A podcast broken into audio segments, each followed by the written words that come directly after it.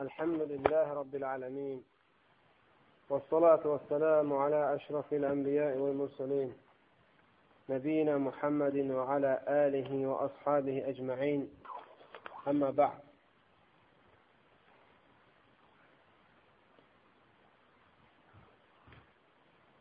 Dərsimiz davam edir Böyük kitablar, Böyük Günahlar kitabından. İmam Zəhəbinin Böyük günahlardan hesab olunanın biri də, böyük günahlardan hesab olunanlardan biri də dünya üçün elm öyrənmək və elmi gizlətmək. Nə deməkdir bu? İnsan elmi öyrənir, Quran-ı kərimi oxumağı öyrənir, sadəcə öyrənməyinin məqsədi dünyavi gəlirdir ad-san qazanmaqdır və yaxud onu oxuyub pul qazanmaqdır. İnsan hədisləri əzbərləyir, ola bilsin ki, kimisə bağlamaqdan ötürü, kimləsə mübahisəyə girməkdən ötürü, kiməsə münaqişədə, söhbətdə qalib gəlməkdən ötürü. Və yaxud ona desinlər ki, buna çox hədis əzbərləyir. Və yaxud əzbərləyir ki, yarışlara girsin, əzbərlərdə iştirak eləsin və əvəzində uçsa pul alsın. Məqsədi sadəcə bu olur. Və yaxud da İslamı izhar eləyir ki, zəkat götürsün. Müsəlmanların malından, beytul maldan ona pay bölünsün.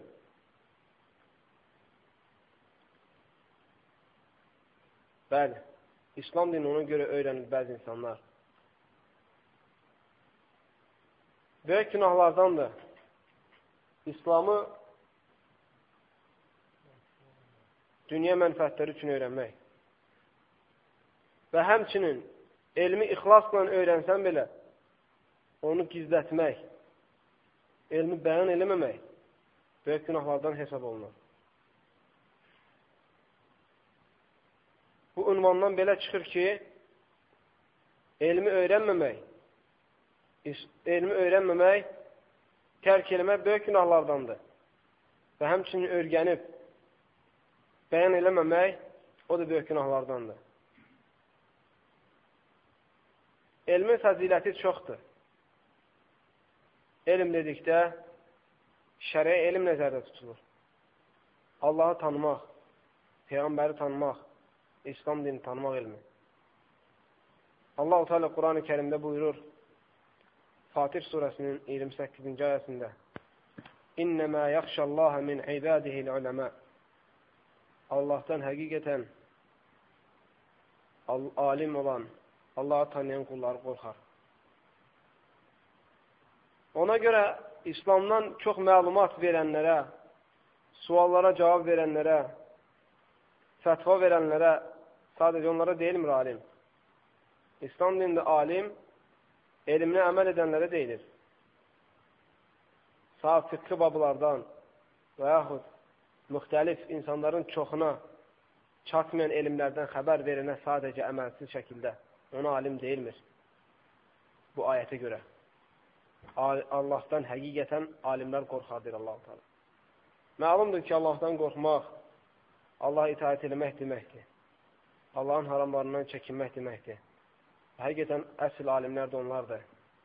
Allahın halal və haramlarını öyrənənlər və onu insanlara öyrədənlər, bəyan eləyənlər ixlasla. Başqa bir ayətdə Bəqərə surəsinin 159-cu ayəsində Allah Teala buyurur: İnnellezîne yektumûne mâ enzelne minel beyyinâti vel hudâ min ba'di ma beyyennâhu linnâsi fil kitâbi ulâike yel'anhumullahu ve yel'anhumul la'inun. O kəslər ki, biz endirdikdən sonra ayətləri, haqları insanlara bəyan etdikdən sonra gizlətərlər, insanlara bəyan eləməzlər haqqı, özləri bildikləri halda. Onları Allah salı lənətləyər və bütün yer üzündə olan lənət edənlər də onlara lənət eləyər.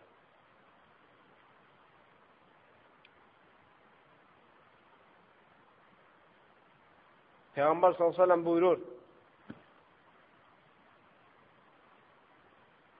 kim elmi, Allah üçünün öyrəniləsi bir elmi dünyadan bir pay almaq üçün öyrənərsə, o cənnətin cənnəti görməyəcək. Nə də onun iyini duymayacaq. Başqa bir hədisdə Peyğəmbər sallallahu buyurur: Üç kəs qiyamət günü ən birinci hesaba çəkiləcək. Bəşəriyyətin, bəşəriyyətdən. Onlardan birincisi alim olacaq. İkincisi mücahid. Üçüncüsü isə çox sədəyə verən. Bu alim də həmən o kəslərdəndir. Elmi öyrənib, haqqı bilib, əməli tərk eləyənlər və yaxud insanlara bəyan eləyənlər, eləməyənlər. Nəyə görə? Çünki öyrənəcək. Və Allah-u Teala ondan məqsədini soruşacaq. Və o deyəcək ki, bunu sənin rızan üçün öyrəndim. İnsanlara bəyan etmək üçün öyrəndim. Allah Teala ona deyəcək ki, yalan deyilsən. Sən öyrəndin ki, sənə alim desinlər. Yəni, sən dünyavi bir məqsəd üçün həmin elmi öyrəndin. Və ona görə sağ o da deyildi. Və sonra əmr olunacaq, üzü üstə cəhənnəmə sürtlənəcək. Və həmçinin Peyğəmbər s.ə.v elmi öyünməkdən ötürü və yaxud cahillərin içində özünü artıq tutmaqdan ötürü, alimləri bağlamaqdan ötürü, elm əhlini, öyrən, öyrənlər, öyrənilən elmi, öyrənənləri bu yolla elmi Peyğəmbər s.ə.v cəhənnəm əhli olduqlarını xəbər verir. Başqa bir hədisdə Əbu Davudda və Tirmizidə və bin Məcidə gələn hədisdə Peyğəmbər s.ə.v buyurur, Mən suilə an ilmin fəkətəməhu ulcimə yevməl qiyamə biləcəmi minnar. Hədis səhih hədisdir. Peyğəmbər s.ə.v deyir, kim bir elm haqqında soruşularsa və həmin o bildiyini gizlətərsə, ahirətdə qiyamət günü cəhənnəmdən olan yüyənlə yüyənlənəcəkdir. Bəli. Onu hər kəs tanıyacaq. Ağzına atına ağzına keçirilən yüyən kimi onun ağzına da yüyən keçiriləcək. Onun ağzını yüyən yandıracaq. Dilini, ağzını əritəcək. Bütün insanlar biləcək ki, bu elmi gizlətən idi. Başqa bir hədisdə Peyğəmbər s.ə.v Muslimdə gələn hədisdə buyurur Allahümmə inni əudu bikə min ilmin lə yənfə Ey Allahım, fayda verməyən elmindən sana sığınıram. Bəli, əməl olmayan elm və yaxud əməl eləyib başqalarına bəyan edilməyən elm, faydasız elm hesab olunur şəriətdə. Ona görə Peyğəmbər s.ə.v Allaha sığınıb fayda verməyən elmdən. Başqa bir hədisdə, Tirmizdə gələn hədisdə Peyğəmbər s.ə.v buyurur Mən təəlləmə ilmən li qeyrilləh أو أراد به غير وجه الله فليتبوأ مقعده minəl-nar. Kim Allahdan qeyrisi üçün öyrənərsə bu şəriəti, bu dini və yaxud öyrənməsində məqsədi Allahın rızası deyil, başqasının rızasıdır, cəhənnəmdən yerini hazırlasın deyir Peyğəmbər s.ə.v.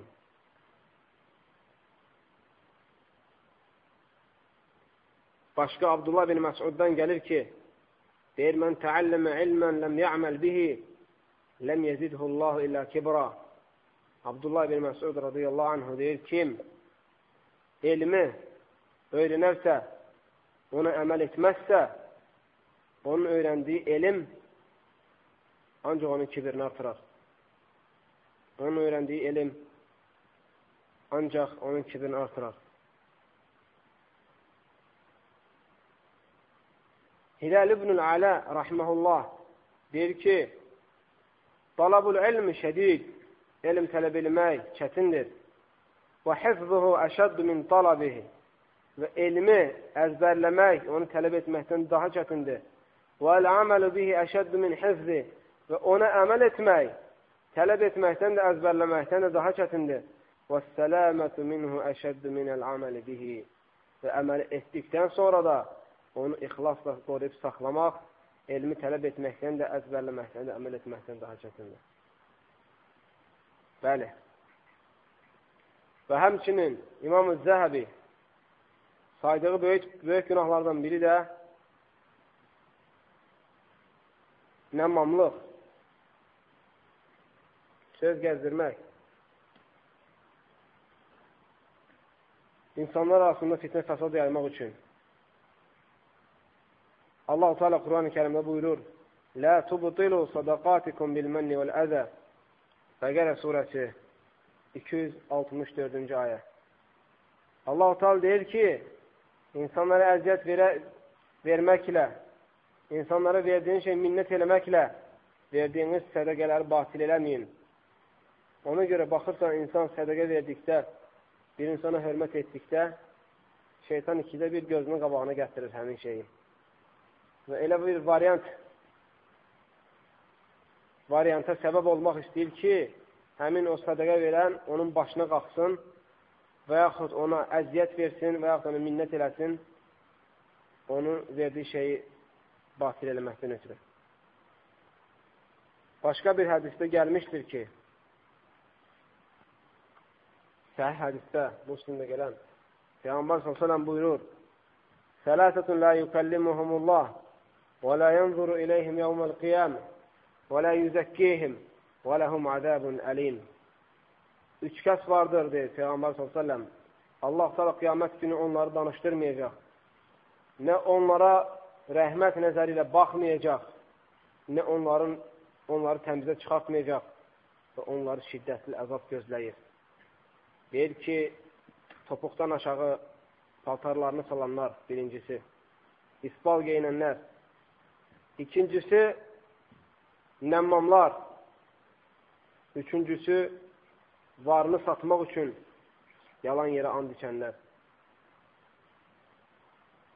Başqa bir hədisdə Peyğəmbər s.ə.v buyurur, üç kəs var ki, Allah-u Teala onlardan nə nafilə namazlar qəbul etmir, nə də verdiyi sədəqələri. Valideynlərinə qarşı çıxanlar, insanlar arasında nəmmamlıq edənlər və qədəri inkar edənlər.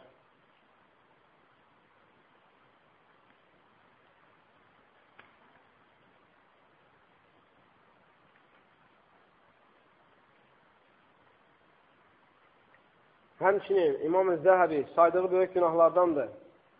İnsanı lənətləmək və yaxud lənət sözünü işlətmək yersiz yerə böyük günahlardandır. Peyğəmbər s.ə.v Buxarə və Müslimdə gələn hədisdə buyurur, Lə'nul mu'mini kəqatlihi Mümini lənətlə, lənətləməyin günahı onu öldürməyin günahı kimidir. Ona görə insan dilini qorumalıdır. Ola bilsin ki, ağzından çıxar. Başqa bir hədisdə Peyğəmbər s.ə.v buyurur, Buxarədə gələn hədisdə Sibabul muslimi fusuq və qitaluhu kufrun Müsəlmanı söymək fasiqlikdir, günahkarlıqdır. Müsəlmanı öldürmək isə küfürdür. Yəni, İslamı, insanı İslamdan çıxardan küfür deyil də, ondan aşağı hesab olunan küfürdür.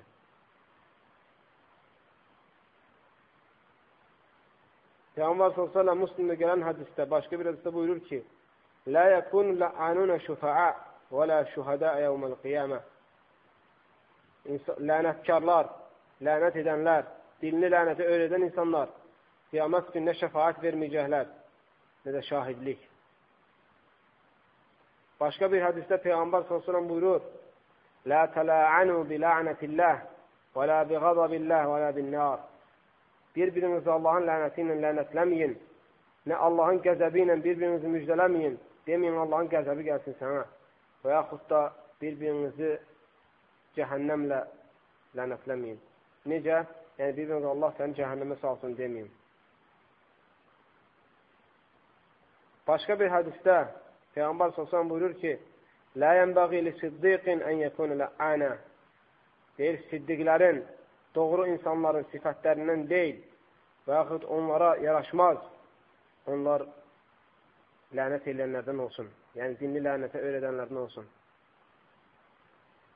Başqa bir hədisdə Peyğəmbər sallallahu buyurur: "Leysel mu'minu bil-la'an və la at-ta'an və la-l-fahişil bəzi." Mömin o kəs deyil, lənət eləsin. Və həmçinin insanların ətlərini yesin, insanların namuslarına, şərəflərinə toxunsun və yaxud fahişəlik və yaxud pis sözlər işlətsin. Mömin bu şeylərdən həqiqətən uzaqdır. Artıq Peyğəmbər s.ə.v bir kişiyi cəzalandırdı. O kişi ki, dəvəsini lənətləyir. Peyğəmbər s.ə.v deyir ki, sonra lənətlədikdən sonra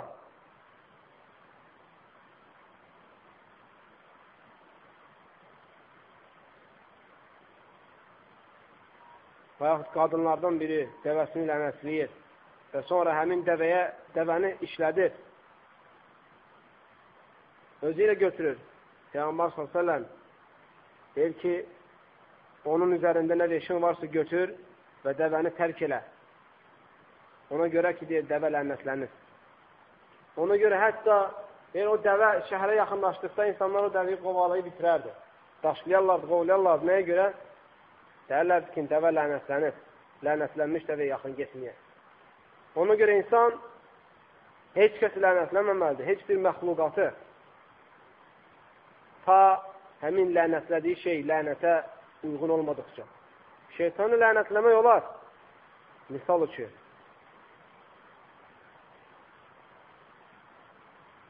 İnsanların başına gələn çox müsibətlərin səbəbi elə insanın dilidir. Ona görə gəl müsəlman dilini qoruyarsa, artıq bütün problemlərdən və yaxud problemlərin çoxundan canını qutarmış olar. Buna önəm verir Peyğəmbər s.ə.v. Bir hədisdə buyurur, kim mənə zəmanət verərsə, dilini qorumağa və iki qılçasının arasında olanı qorumağa, mən ona zəmanət verirəm deyə cənnətə girməyə. Çətindir dilini qeybətdən, dilini yalandan, dilini ləmmamlıqdan, dilini pis sözlərdən qoruyub, övratını isə haramlardan qoruyanlar, sözsüz ki, həm dünyada, həm ahirətdə xeyrə uğrayanlardır. Allah saldan istəyirəm ki, bizi imanlı qullarla etsin. Allah saldan diləyirəm ki, bizi bizə elm öyrənməyə rahatlandırsın. Allah-dan diləyirəm ki, bizə öyrəndiyimiz elmə əməl etməyi, sonra isə onu başqalarına öyrətməyi nəsib eləsin. Və sallallahu alə nəbiyyə Muhammed və alə əlihi və sahbi əcməin.